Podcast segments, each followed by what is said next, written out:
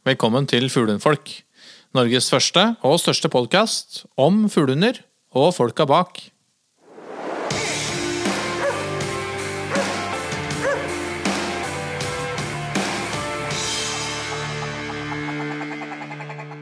Hei, Bjørn og Magnus. Hallo. Hallo, Espen. Hei, hei. Og Bjørn. Hei, hei. Sitter jo hver for oss nå. Ja, vi sitter fortsatt hver for oss. Disse, dette covid-greiene, nå, selv om det nå i hvert fall ser ut som det begynner å nærme seg eh, noe oppmykning i regelverket, så har vi fortsatt eh, valgt å sitte litt eh, fra hverandre. Ja. Ja, det blir sånn av og til. Men eh, vi får bare be om unnskyldning fordi lyden kanskje ikke er helt optimal når vi sitter sånn på telefon, men eh, vi får prøve å gjøre det beste ut av det. Ja da, det blir Merker at det blir liksom litt, litt annen spontanitet. Ja, det, det er litt sånn an, litt annerledes, men vi får håpe det er greit nok allikevel. Ja, vi, vi håper det, og så lover vi å komme sterke tilbake når vi får lov til å sitte litt eh, tettere på hverandre og faktisk gjøre opptak i studio. Mm, mm. Eh, men eh, vi har jo hatt litt sånn valpefokus de siste ukene, Bjørn og Magnus. Ja. Eh, vi hadde jo en valpeuke på Instagram som var veldig spennende. Og valpe, valpefeberen herjer jo fortsatt i, eh, i fuglehundfolk. Så eh, Lexi kjører jo for fullt, hun gjør ikke det, Magnus? Jo da, det blir større og mer livhatt for hver dag. Mindre søvn og mer aktivitet i løpet av en dag. Så det er nok å henge fingra i her, ja. Det er Det, er, eh, det gleder meg egentlig at du får kjørt deg litt. Ja. Hvis det er lov å si det. Det best- Bestemt frøken, det.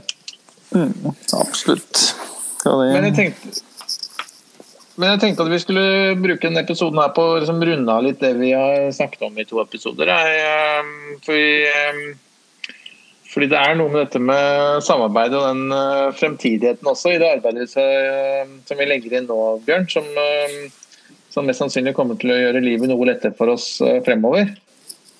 Ja, absolutt, altså. Det, det er veldig viktig nå. Nå ser jo, nå ser jo Magnus eh, sant, hvordan på en måte Lexi utvikler en måte liksom, eh, ja, er selvstendigheten i henne. Jeg, jeg går rett på det jeg kaller det, fordi hun er liksom, hun viser seg Hun er jo liksom en, sånn, en ganske sånn selvstendig dame. Hun drar jo ut på sine eventyr og driver med sitt liksom ute i hagen der, som er en sånn så, Men men også veldig sånn eh, eh, og veldig til stede. og og Det tror jeg er veldig mye av det du har jobba med, rett og slett. Dette her med i, i, eh, i det å være selvstendig, men å liksom switche over og være på en måte sosial, da.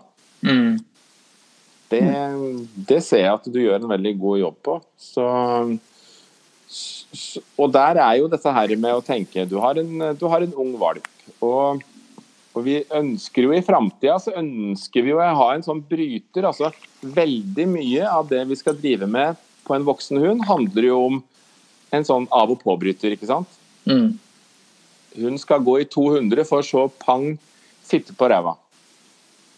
Og det er liksom eh, sånne ting og, og da, Det å på en måte sette seg på ræva, det er jo det er jo en dressursak, men det å faktisk da klare å, å dempe seg, roe seg i situasjonen der sånn ganske umiddelbart, sånn at man håper å si nesten sånn mentalt litt, sånn, litt henter seg inn og, og liksom litt, er seg litt sjøl bevisst, da, i stedet for at man bare i ren lydighet uh, lander på rumpa og liksom på en måte ikke Og du ser at hun er et helt annet sted, ikke sant? Mm. Det å klare å få av den bryteren der så fort som mulig, det er jo, det er jo den jobben du gjør nå på valp. Det er jo det. Og som jeg så du og Magnus gjorde med veldig, veldig fint, med at hun- når du så at du hadde jobba og drevet på ganske mye ganske lenge, så, tenker, så tenkte jeg at nå vet du at nå begynner han nok snart å bli sliten. Og da utnytter du den situasjonen til å ta opp på fanget, legge på ryggen og klø litt på magen. Og så går det ikke mange minutter, så, så er det For det første så roer hun seg med en gang, så jeg ser jo at du har virkelig jobba med det. Og så, så går det ikke lenge, så sovner hun. Ikke sant? Mm.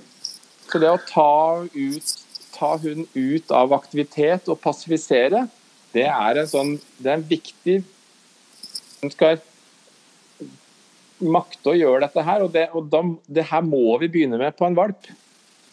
Eh, begynner vi med dette her på en voksen hund som har fått liksom herje og drive og, og regjert som hun er ville, så, så blir, det, blir, det, bare en sånn en kamp som eh, hunden etter hvert vinner, og som blir sånn litt sånn ufint nesten. For man må, det rykker og river og det hopper og spretter, ikke sant. Og du, du føler at du får kontroll på situasjonen, og så, så, blir du litt irritert og kanskje du blir litt høymeldt og alt som er, ikke sant. Nå, liksom, nå er det nok!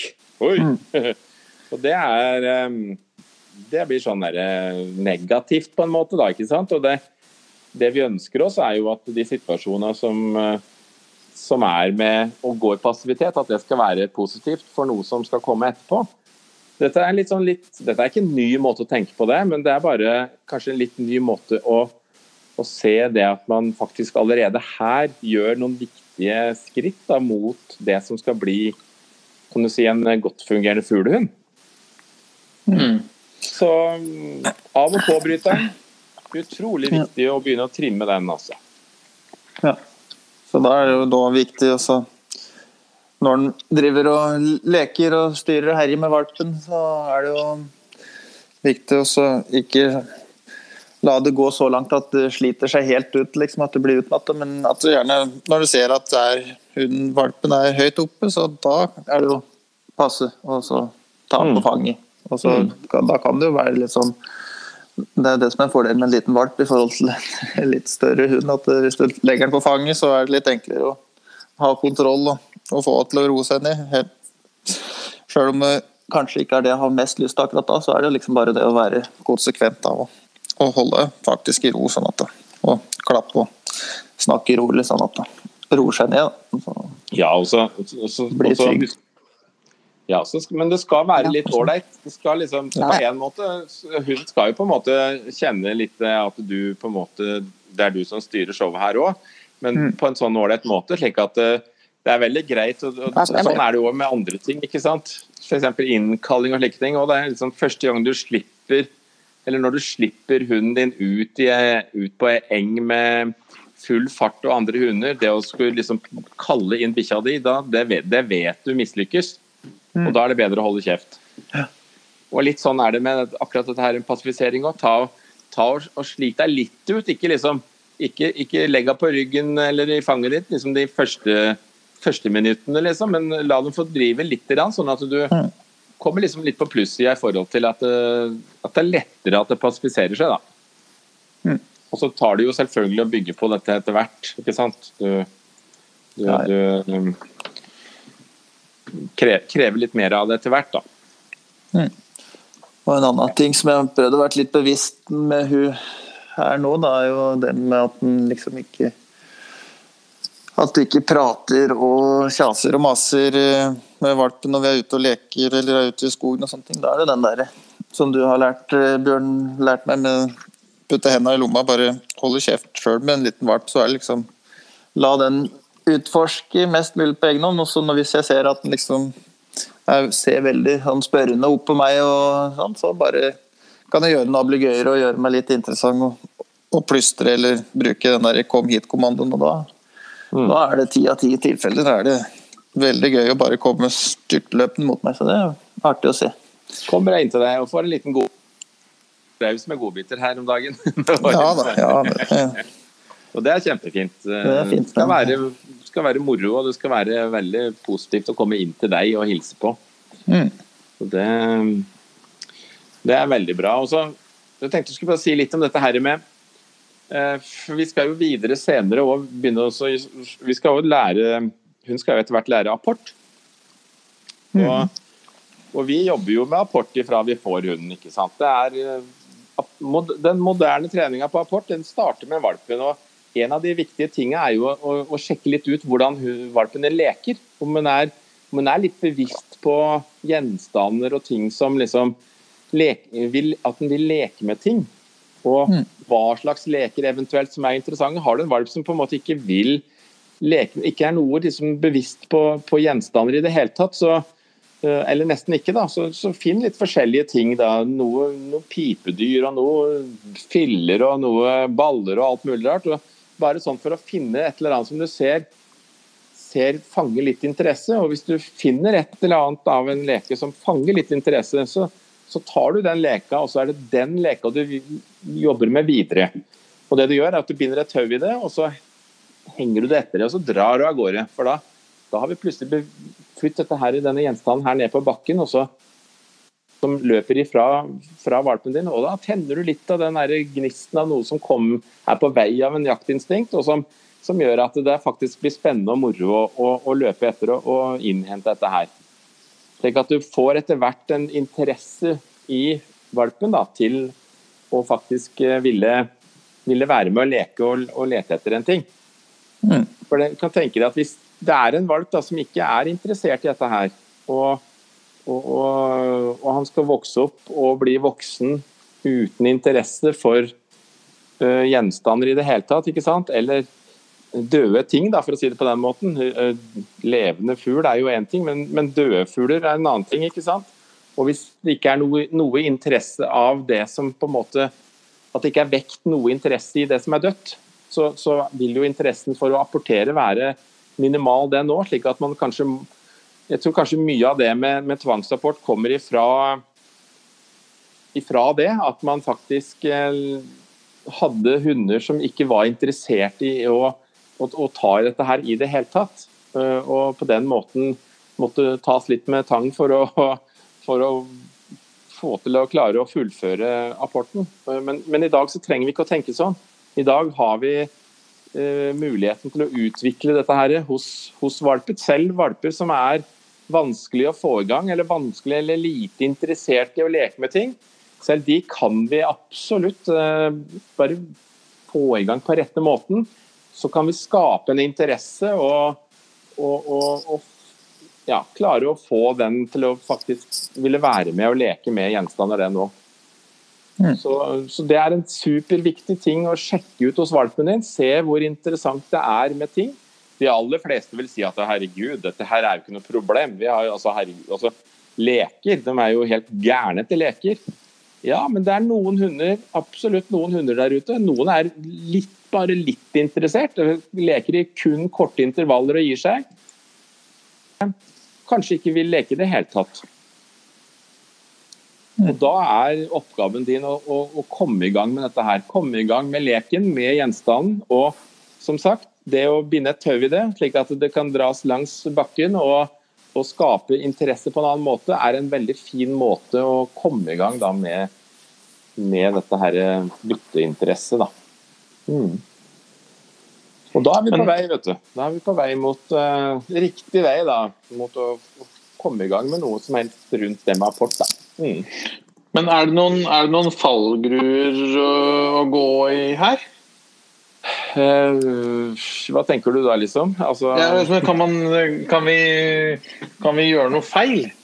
Altså, er det mulig liksom å uh, ja, jeg vet ikke helt men altså, er, er, er, er, det fortsatt bare lek? Så, så dette er, det er bare positivt. Og, og man, ja. man, kan ikke gjøre noe som gjør at man får trøbbel med eh, altså, at, man, at man kobler apport med for mye lek, eller Nei, det, det, er akkurat det, er det som blir balansen her, da, i forhold til den valpen som på en måte ikke vil leke. ikke sant? Mens mm. en, en, valp som er glad i å leke, han kan du jo begynne å jobbe med apport med ganske nesten med en gang. ikke sant? Mm. Mm. Han kan lære å, å, å, å bære denne herre eh, dømmen i munnen og sånne ting ikke sant? veldig fort. Mens mm. uh, han som på en måte ikke viser noe interesse for å ville ha en dømme i munnen da, eller i det hele tatt for å løpe etter noe som blir kasta ifra, eller hva som helst. Han som på en måte er veldig passiv der, han trenger jo dette her. Ikke den andre hunden som, som syns dette her er ålreit. Nei, for eksempel, jeg tenker Vi har jo snakket om dette med ballidiot eller pinneidiot ja. uh, før. Mm, og, og, det å kaste ball gjør vi ikke i forbindelse med apporttrening. Det blir feil.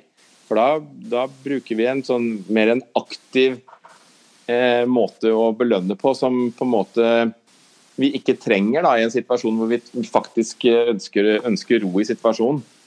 Da er det bedre. Men på en roligere måte, slik at ikke hunden gjør feil for han forventer høy aktivitet i det han gjør riktig. ikke sant? Mm. Da, da, blir det feil å belønne med noe som skaper forventning om fart og spenning. det er mye bedre å, å, å, gi en belønning som skaper forventning om ro og, og, ro og orden, holdt på å si. da. Eh, så det er litt viktig hva man plukker, plukker der av måte å belønne på. Ja, for, no, for, noen som ikke, som ikke, hvor dette ikke er så tydelig og klart med en gang, kunne du, liksom, kunne du sagt to ord om forskjellen på de to belønningsformene? Jeg, jeg skjønner at jeg, jeg, vet jo jeg vet jo at Sting han er jo helt idiot etter ball, egentlig, så vi har jo på en måte skjermet han for ball. Ikke sant. Så da ser du at det, det å bruke ball blir fort for mye. Ja. Det å bruke ball som belønning og da, da, kan du bare se litt og tenke litt hvordan han reagerer da, når han ser den ballen. Og hvis du f.eks. vil belønne han med en ball når han kommer til deg med en apportbok, mm. så har, er det veldig stor sjanse for at han vil gjøre feil mm. idet han, i det han ser ballen. Ja. Derfor så er det ikke noe vits å bruke den ballen til å belønne han i apporttrening. Da bruker du noe annet. ikke sant? En godbit, en godklapp på sida ros og alt mulig sånne ting, ikke sant? Ja. Vi har heldigvis, heldigvis kommet oss over akkurat den derre Men det er jo fordi vi aktivt har skjermet han mot ball. Ja, ja, og det er litt sånn eh, Det er veldig Det er veldig viktig at man ikke bruker ball i apporttreninga. Ja. For det blir men, uh, veldig mye ball. blir, ja, men noen opplever sikkert um, Og ball er én ting, det verre er på en måte med pinner. Altså Pinner eh, må vi holde oss langt unna. Og ikke, ikke bruk en pinne i skogen som et apportobjekt. Fordi det, det, er noe som kalles for pinneidiot, ikke sant. Og, og noe som heter eh, noe er ballidiot. Og det er dette her med at du, du bygger opp en, et veldig stressnivå i hunden i forbindelse med det. Mm. Og det, i tillegg så er det jo å finne rundt overalt, særlig pinner, da. Ja, så jeg har, sett, jeg har jo sett såkalte pinner i stedet for å slappe av i ei pause, ikke sant? bare kveste deg eh, bjørk borti sida der. Det er liksom eh, Det tar helt av. Så det, det er veldig viktig at man ikke får hunden i det moduset der. Og, så aldri, ja, aldri for mye av sånn trening. Det er viktig å Når man først skal man leke eller, eller belønne sånn, så er det konsentrert og liksom på en måte i et i en kort intervall som på en måte er nok til at hunden i neste runde på en måte gleder seg til å gjøre oppgaven for at han skal få den lille belønninga som er, da. Mm, mm, mm. Så, så, selv i tidlig alder så kan det være lurt å, å, å, på en måte bruke apportdømmer for å på ja, ja. Skille, skille på jobb og Absolutt. Når du skal jobbe med det som er er apporttrening. Være seg bare å legge apport, eh, den dummien inn i munnen på hunden og, og, og la den få lov til å holde den i, ro uten å tygge, f.eks. Litt sånne mm. ting. Mm. Det å, at når han henter den ute på plen, og når, når, du kaster den ifra noen få meter, bare for å få inn litt moro og lek i det med å drive med en dummy på en valp, da. Mm. Så bruker du det, så bruker du dummien og ikke hva som helst andre ting. Mm. Ha, ha Bruk kun det når du jobber med apport. Ikke noe annet. Ikke sånn tilfeldigvis så var det en pinne der, tilfeldigvis så var det en ball i lomma som gjorde at vi kunne trene apport. Nei. Tren kun med den ene apportgreia du har. Jobbe litt målretta med det? Ja, det, det, er noe med at når man ser den der dummyen, da, du, så, så, så, får man et automatisk liksom en modus hos hunden nå, ikke sant. Han vet, ja. Nå vet han hva det handler om, og ja. hva han skal jobbe med. og det som vi kaller litt for arbeidstegn. Da. Mm. Og arbeidstegn er med på å skape fokus og konsentrasjon. Ja. Hvor, hvor, viktig er sånne typiske konsentrasjonsøvelser når våpenet er så liten? Er det, har det noe poeng, eller kan man Nei, ikke mye. For det, det må man tenke på at uh, her er det snakk om lek. Når vi, mm. når vi jobber med en liten en, en valp sånn, så er det jo lek vi driver med. Ja. Vi jobber ikke med konsentrerte øvelser liksom, før hunden har fått litt mer modenhet i seg. Og, og, og, da kan du heller kanskje se det på se, Du ser jo litt på hunden når han på en måte er i stand til å, å gjøre en oppgave litt konsentrert. da. Mm. Dette er ting du ser. Eh, dette er ikke noe du behøver å lese deg til, for dette er ting du ser når du, når du på en måte faktisk er engasjert i hunden din, så, så, så ser du disse tingene her. Du ser denne utviklingen her. Mm. Eh, det slipper egentlig folk å fortelle deg. Det, det, det må du egentlig bare observere, og så, så, så, skjønner du det.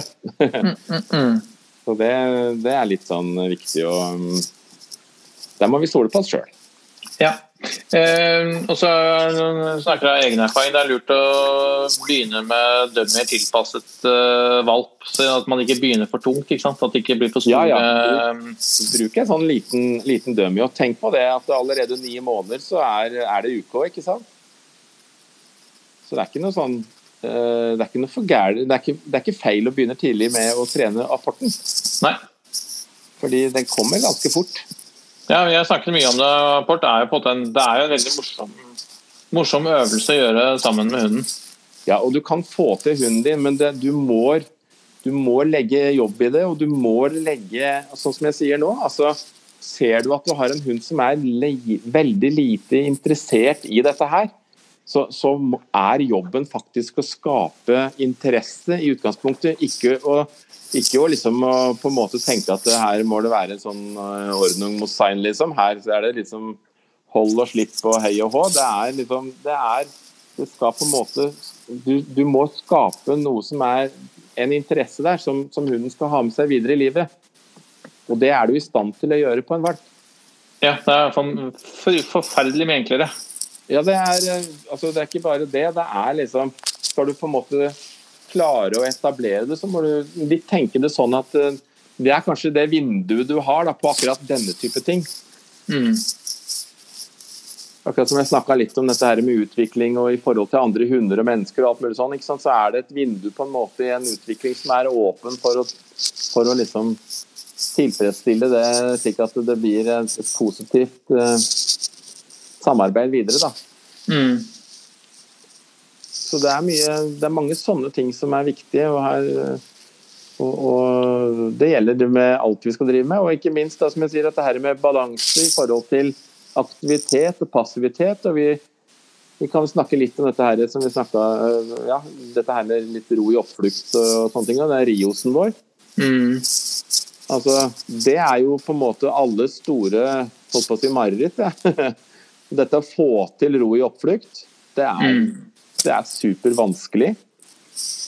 Eh, kan være, men det kan òg være helt greit hvis man på en måte har mulighet til å kunne følge opp hunden ifra han er valp. For det er igjen, ikke sant, så, så har vi allerede begynt nå, sånn som, eh, som Magnus gjør, ikke sant, med å, å, å, å lære hunden å være passiv. Og kunne switche fra å være aktiv til å være passiv. Mm noe, noe, i det tar vi, oss, tar vi jo òg med oss i det at hunden får beskjed om å stoppe, være rolig. OK, da er den rolig, rolig, rolig. Og det er liksom på en måte jobben i den situasjonen. Mm. Så det er mange ting du på en måte kan trene den biten her for. Altså, la oss si at du trener sitt da, på, på hunden din. Du lærer sitt. Og, og når hun kan sitt, så, så, kan du jo bruke den i situasjoner. Da miljøtrener du hunden i sitt-kommandoen. Det betyr at du tar med deg hunden i alle mulige Når du er på tur, så bruker du kommandoen sitt i situasjoner der òg. Mm. Slik at du faktisk lærer hunden at sitt betyr sitt her også. Hunder lærer veldig bilder, sånn at eh, sitten inne på stuegulvet det betyr nødvendigvis ikke sitt ute for hunden, sånn inni huet på hunden. Hunden må på en måte få den erfaringa ute. At eh, oi, sitt betyr sitt her òg, ja. Ja, det er litt um, situasjonsbetinget, den treningen. Absolutt. Ja. Absolutt. Og i tillegg så har det noe med hvor høy motivasjonen er i hunden nå, ikke sant. I det du på en måte i kjent, veldig kjent miljø inne på stuegulvet sier sitt, så, så, vet jo hun at det er sitt. Så får jeg en eh, å si sjokoladebit, det er vel ikke lov å si. skal, skal få noe annet godteri. Mm. Men, eh, men, ikke sant? Men, men, når du er ute da, med, med sansene i lufta si, og alt som skjer, og sånne ting, så er det ikke så lett å, å, å kanskje få samme kontakten da, så raskt. Nei, og så For eventuelt nye lyttere da, som ikke har hørt uh, alle episodene, så er jo Rios dette, som, dette er jo dette nirvana som uh, høres ut som en sånn uh, helt uoppnåelig drøm. Så er det ro i oppflukt. Altså, det vil si at det er jo at hunden på en måte forholder seg i ro når, når fugl flyr opp. Ja. Um, og det er jo meget ønskelig. Uh, fordi det, en, det skaper en uh, særdeles mye tryggere situasjon. da i et ja, eventuelt fellingsøyeblikk. Ja. Rios, Rios, som det heter, ro i oppflukt og skudd, er jo en eh, nødvendighet for altså Det er en sikkerhetsventil ikke sant, i en jaktsituasjon. Mm. Så, mm, men det er jo òg et krav eh, på jaktprøver, ikke sant, med Rios. Mm. Og, og, som noen skrev her, eh, som jeg så inne på noe Facebook så Eh, at Riosen som krav, da, som et så høyt krav, kan jo ha kosta ganske mange eh, trege reisere, da. Mm. Man, man, blir fort for uh, tøff i situasjonen med å få ro i oppflukt, sånn at hunden da etter hvert får litt sånn eh, litt sånn eh, frykt for situasjonen, det å ta stand på fugl, for han vet at da er det huing og skriking og napping i bånd liksom, for at den skal sette seg. Ja. Og, og, på den måten, så Det er en veldig balanse der på at man må lære hunden at noe som flyr i lufta, betyr sitt. Mm.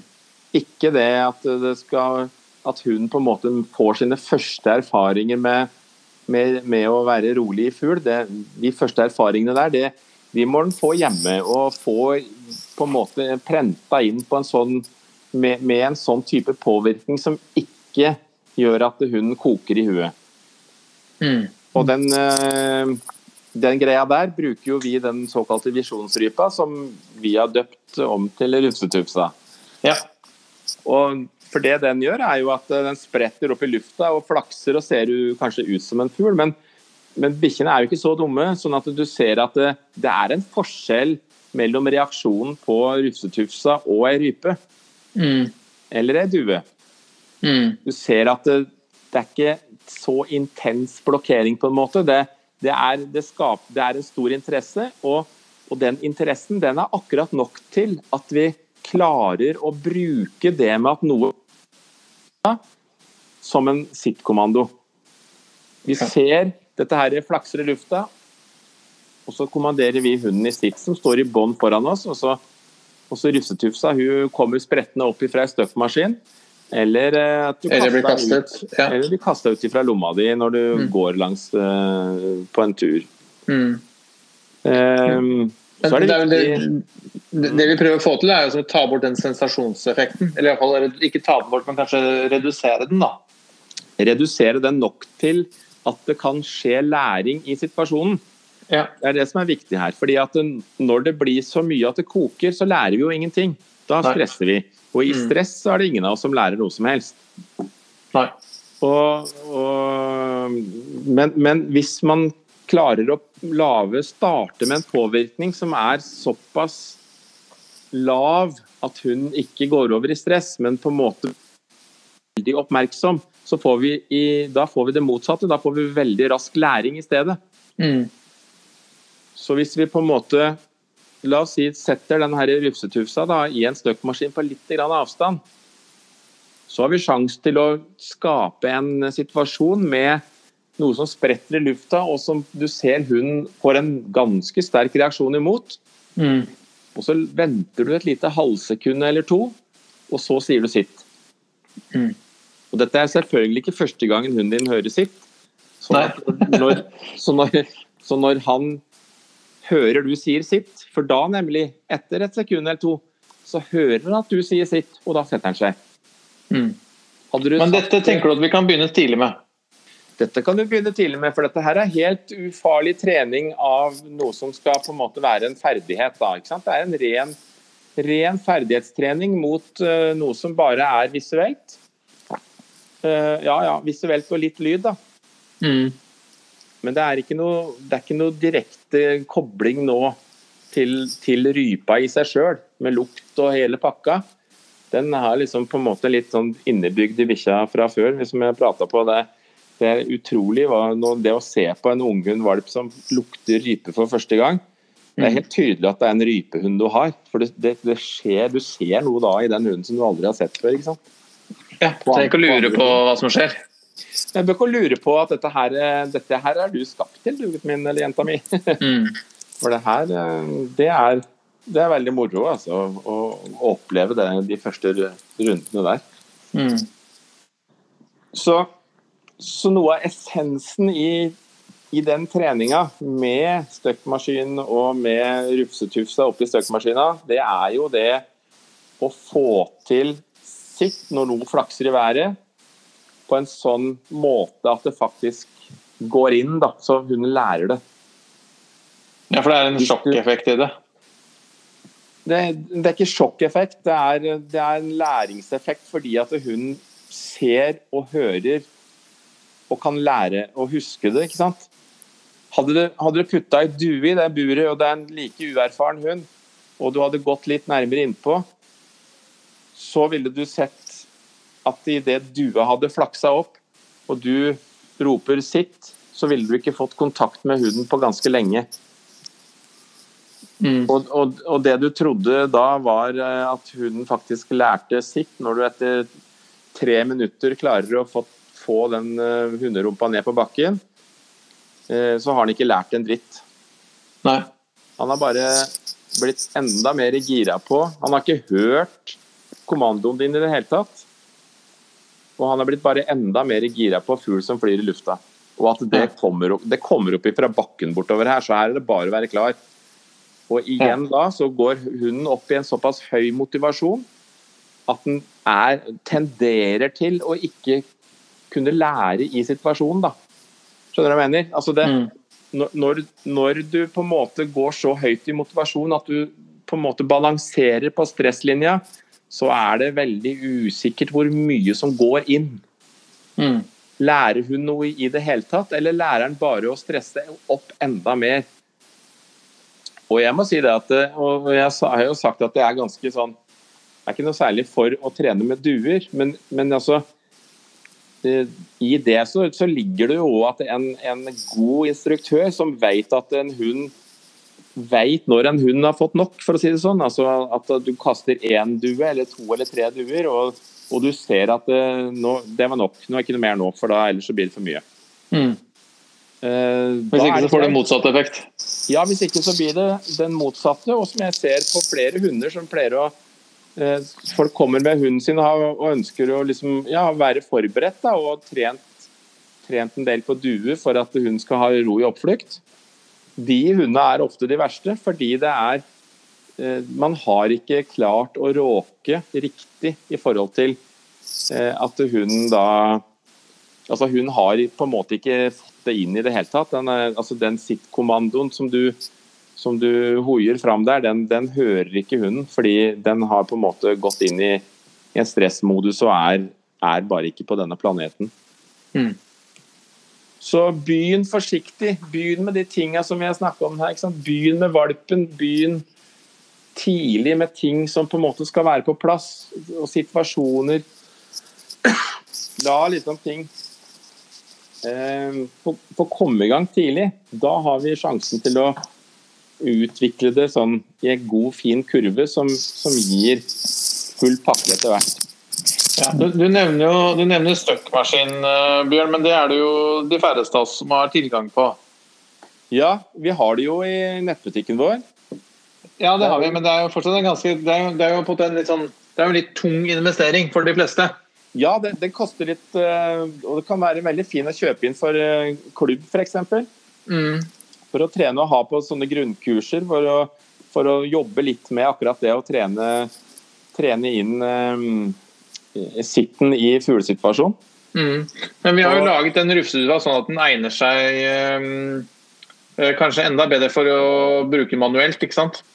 Ja, det, det, det, å putte den i lomma, da, så har du da muligheten til å kaste den. Og det skal være i en sånn passe riktig tyngde til at den, at den kommer såpass opp og bort at uh, det blir sånn litt sånn fugleavstand.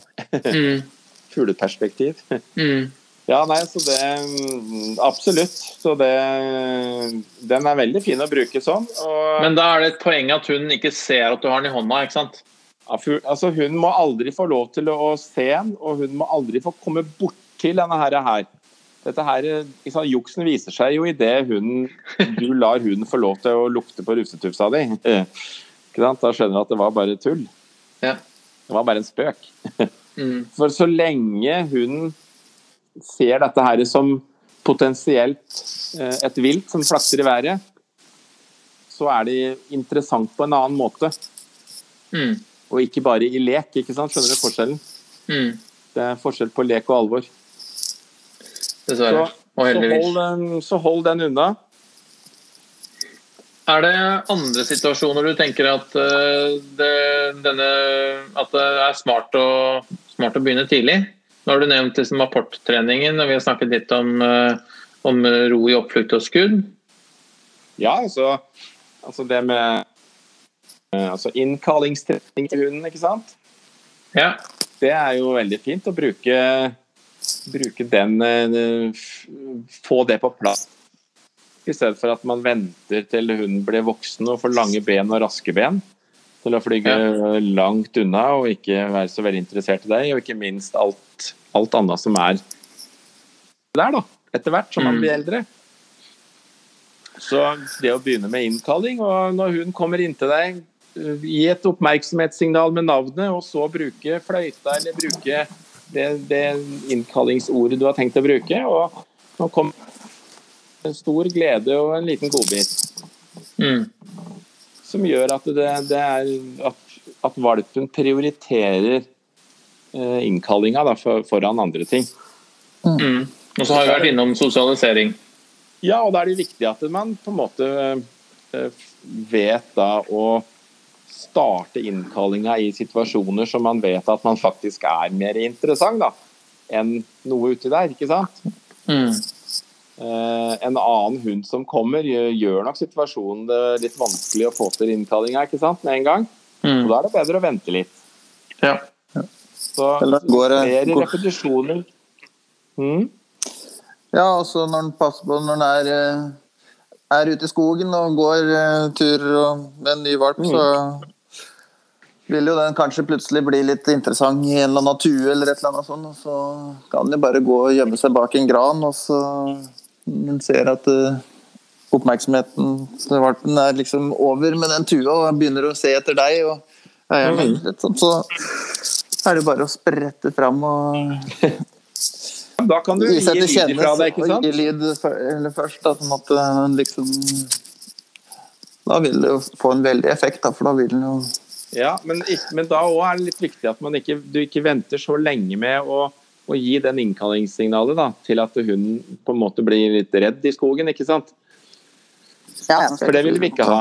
Så, så det er veldig viktig at du står kanskje på ti meter da, og gjemmer deg litt bak i en buske, og så ser du at uh, når hunden er, valpen er ferdig med den greia der, så liksom det, Oi, skal vi se, hvor ble det av far? Og så litt sånn. Og da, ikke sant, er det pip, pip, pip. Ikke sant? Og så Oi, der er han, ja. Ja, da løper jeg etter lyden til far.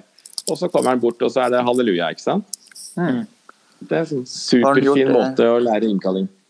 Ett til to ganger, så syns jeg det at det sitter Ja. omtrent i forhold til Hvis en skulle begynt med det når en er mye eldre, så blir det jo Da skal det kanskje litt mer til før en eh, klarer å få til den effekten at den er så spennende som eh, Ikke sant?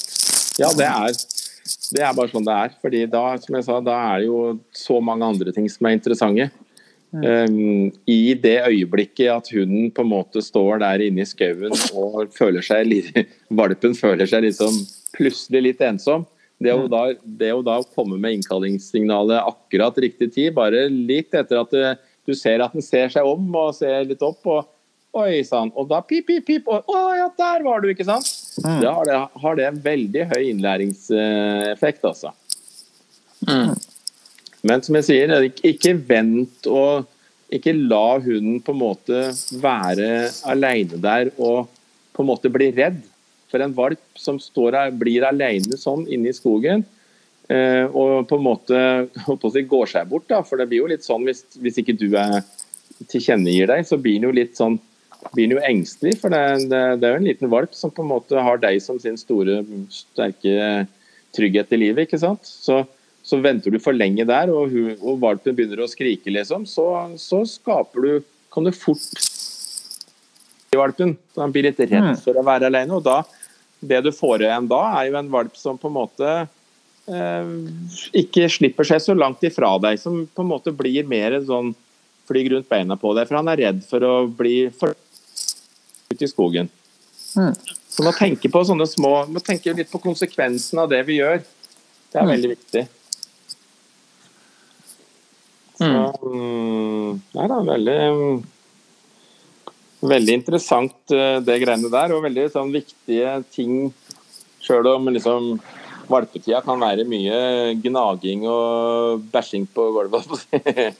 Det er ikke det heller nødvendigvis, men, men, det kan være det. Og litt sånn kjedelige ting. Uh, uh, ja. Har du hatt mange valper, så er det ikke alltid like morsomt. Men det er veldig moro å drive med de tinga her. De tinga som på en måte du vet er er utvikling, da. Ja, for du ser veldig fort eh, effekten av det. Ja, og det, Vi har jo snakka så mye om dette her med seks viktige måneder i valpens liv. ikke sant? Altså Fra mm. du er født og til etter seks måneder så skal du på en måte være i stand til å klare deg sjøl. I hvert fall kunne bidra, da, være en del av noe som på en måte skal overleve en vinter. liksom, ikke sant? Da er det jo viktig at du har tatt til deg mest mulig av kunnskap. Mm. Og Derfor så er det en veldig høy innlæringseffekt eh, hos valper eh, i den alderen der. Mm. Men du gutter, vi tenkte vi skal uh, sakte, men sikkert runde av liksom, det valpefokuset vi har hatt i en, sånn, snart en tre ukers tid. Ah, det er fortsatt mye å lære. Det er bare tre uker. Jeg vet at du er inne i bobla, Magnus, men, eh, men, det er jo veldig mange andre temaer eh, vi må innom også. Eh, så jeg tenker at vi Nå har vi hatt tre episoder med valp, og det er helt sikkert et tema som vi kommer til å komme tilbake til. Og vi skal følge Lexi på på hennes reise også. Så er, folk på, eller, lytterne må måtte bære litt over oss med at det blir litt fokus på, på utviklingen av valpen også litt fremover. Da. Men eh, Jeg vet ikke om det er noe du har lyst til å svare på sånn over bordet, Bjørn, men vi har fått et par henvendelser fra, fra noen uh, hannhundeiere. Eh, som opplever at eh, hunden liksom fra to års alder og opp til to og et halvt blir mer aggressive mot andre hannhunder. Ja, det, de blir ikke så aggressive, men de blir, blir nok litt mer sånn bevisste seg sjøl. de begynner å på en måte litt utforske dette her og liksom på en måte få en karakter, et særpreg, altså en, en personlighet. da mm. som handler om uh, modenhet ikke sant, i forhold til kjønnet. og det um, altså, Vi mennesker er jo ikke Vi er jo såpass primitive sjøl at det går ei hard kule på fredagskvelden nede på diskoteket, holdt på å si. Ikke sant? Så, så, det å måle og vekte litt og finne ut hva som er riktig, det, det vil nok en, en ung hannhund gjerne prøve litt på. Ja. Så, så, så, jeg vil ikke få noe panikk av den grunn, men, men, miljøtrening, samarbeid med andre hunder og litt om den biten der. Eh, litt, eh, litt lederskapstrening.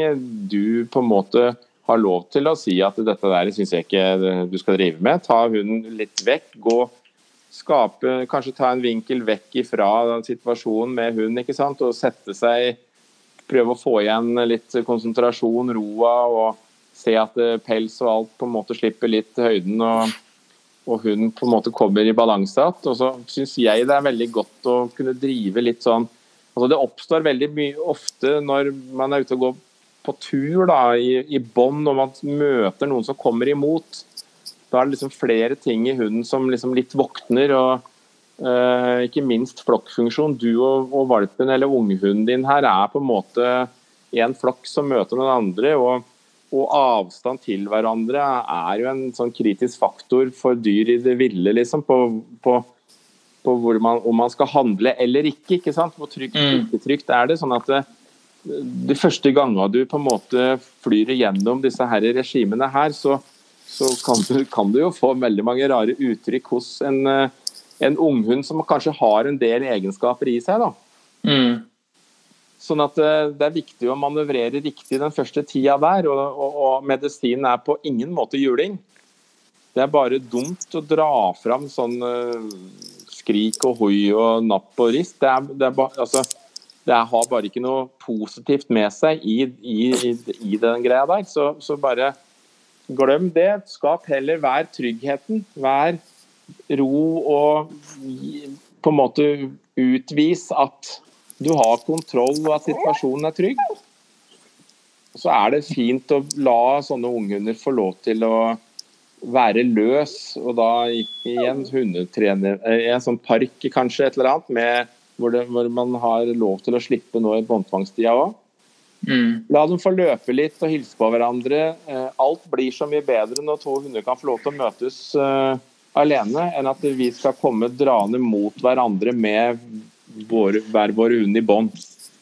Ja, dette observerer jeg litt når vi er ute og går tur uh, her i Oslo også. Det, det, det, er jo noen hundeeiere du ser på flere hundre meters uh, avstand at, uh, at, de er redd for at hunden skal Og det innbiller meg at hunden merker også. Å oh, ja, ja, ja. Ja da. Det, he, både hele, hele, hele kortesjen endrer jo helt fullstendig på oppførsel på lang avstand. Ja, det er helt Unghunden merker uroa, utryggheten og tenker kanskje litt sånn at oi, far blir redd, ja, men da må jeg ta ansvaret her, da. Mm. Skal se hvordan var det jeg gjør det, da. Hvordan gjør jeg det? ikke sant?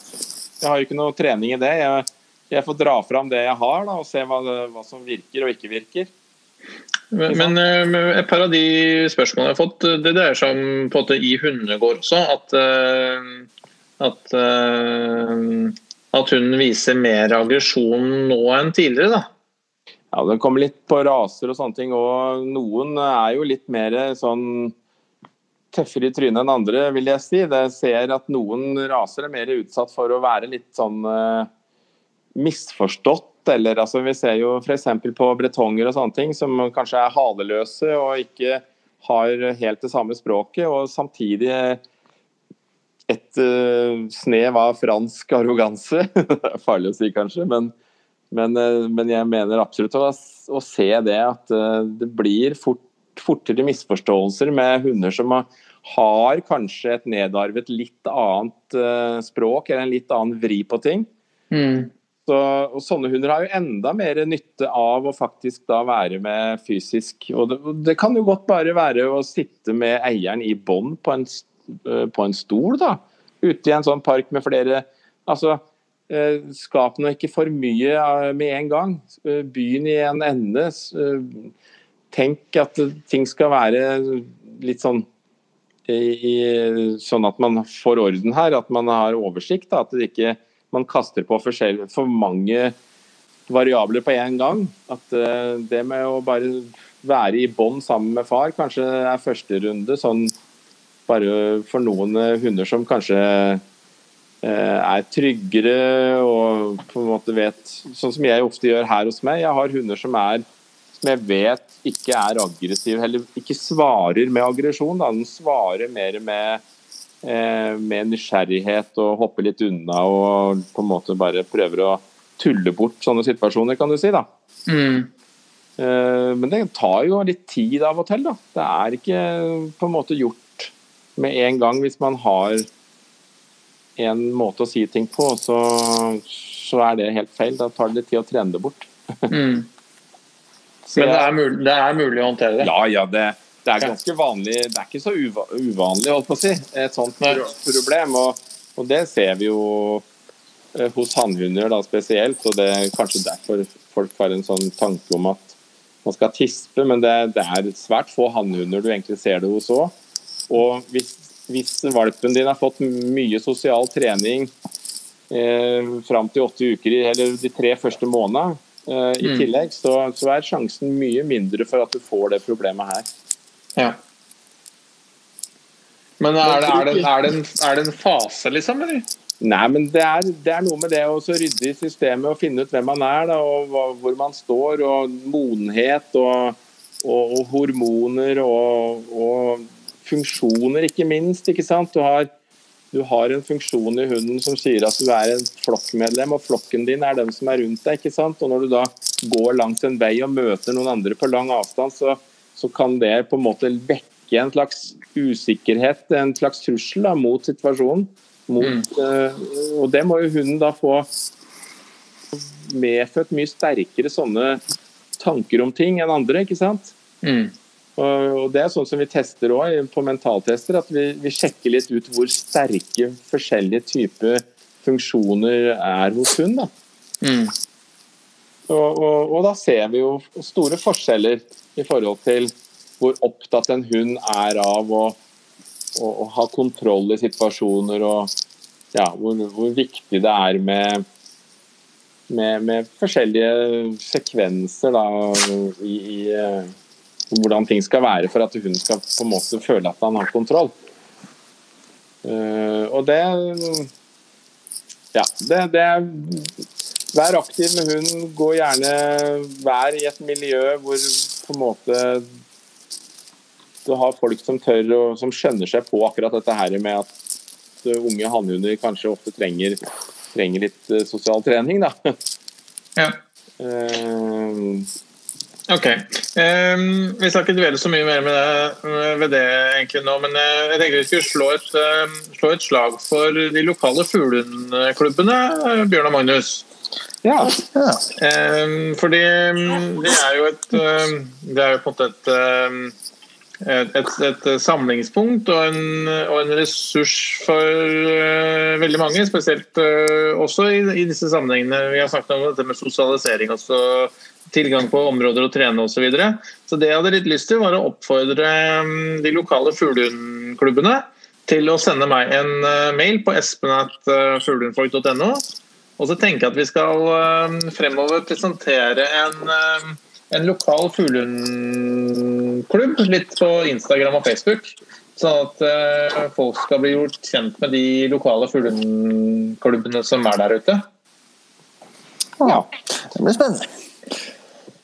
Så det, da, er, da er egentlig stafettpinnen gitt ut til de som representerer fuglehundklubben der ute. Og så får vi se hvem som er de første til å ta oppfordringen. Det blir spennende, vet du. Tenker du det er en god idé, folkens? Ja, det er veldig moro. Det er mange, mange, aktive klubber eh, rundt her, i hvert fall på Innlandet. Og det, det, er jo det rundt i hele landet, det. Men eh, de, de, jeg kjenner til, selvfølgelig, er jo her først og fremst her på Innlandet, som jeg sjøl bor, da. Ja. Så det Men, Jeg tenker det kan være en kul måte å både vise bredden og, og kanskje gjøre, gjøre det litt lettere å komme i kontakt med de lokale fugleklubbene. Mm. Ja, folk som trenger uh, knytte litt uh, kontakter, dem, de har muligheten og klubbene til å markedsføre seg sjøl litt. Da. Ja.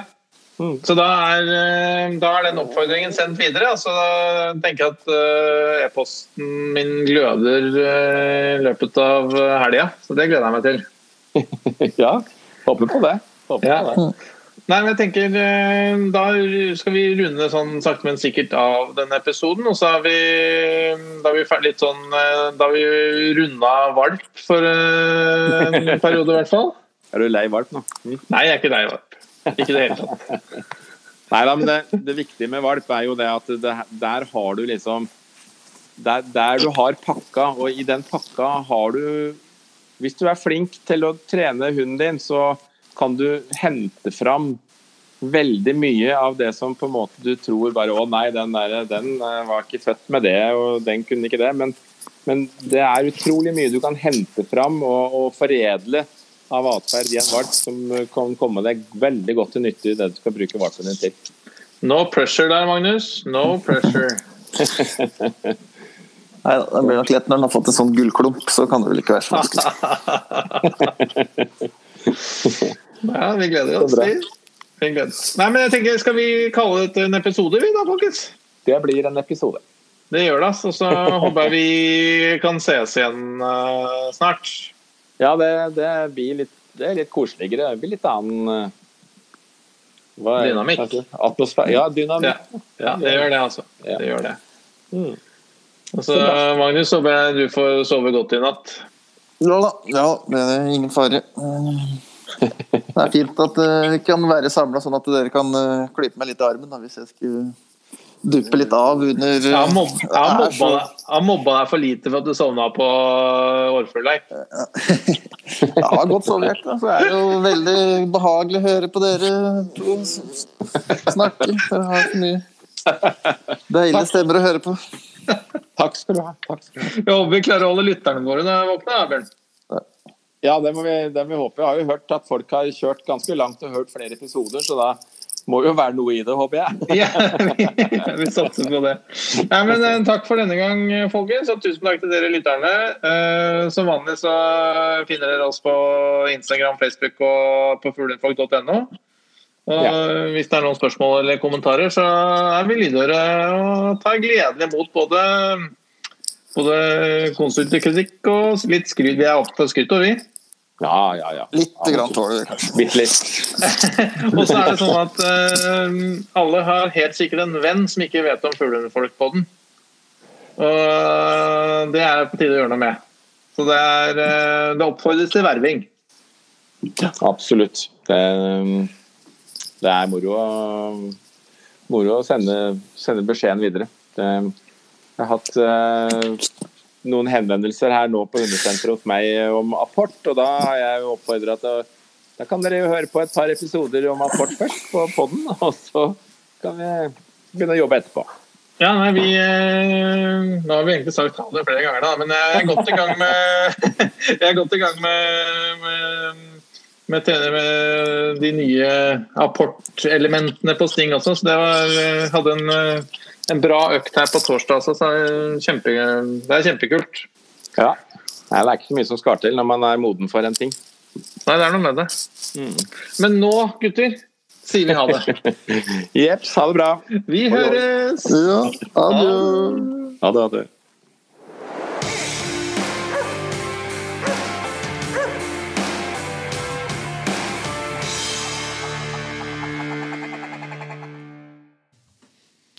Takk for at du hørte på Fuglehundfolk. Følg oss gjerne på Facebook eller Instagram. Her kan du komme med spørsmål, eller dele tips og råd du tror at vi andre kan ha nytte av. Vi høres!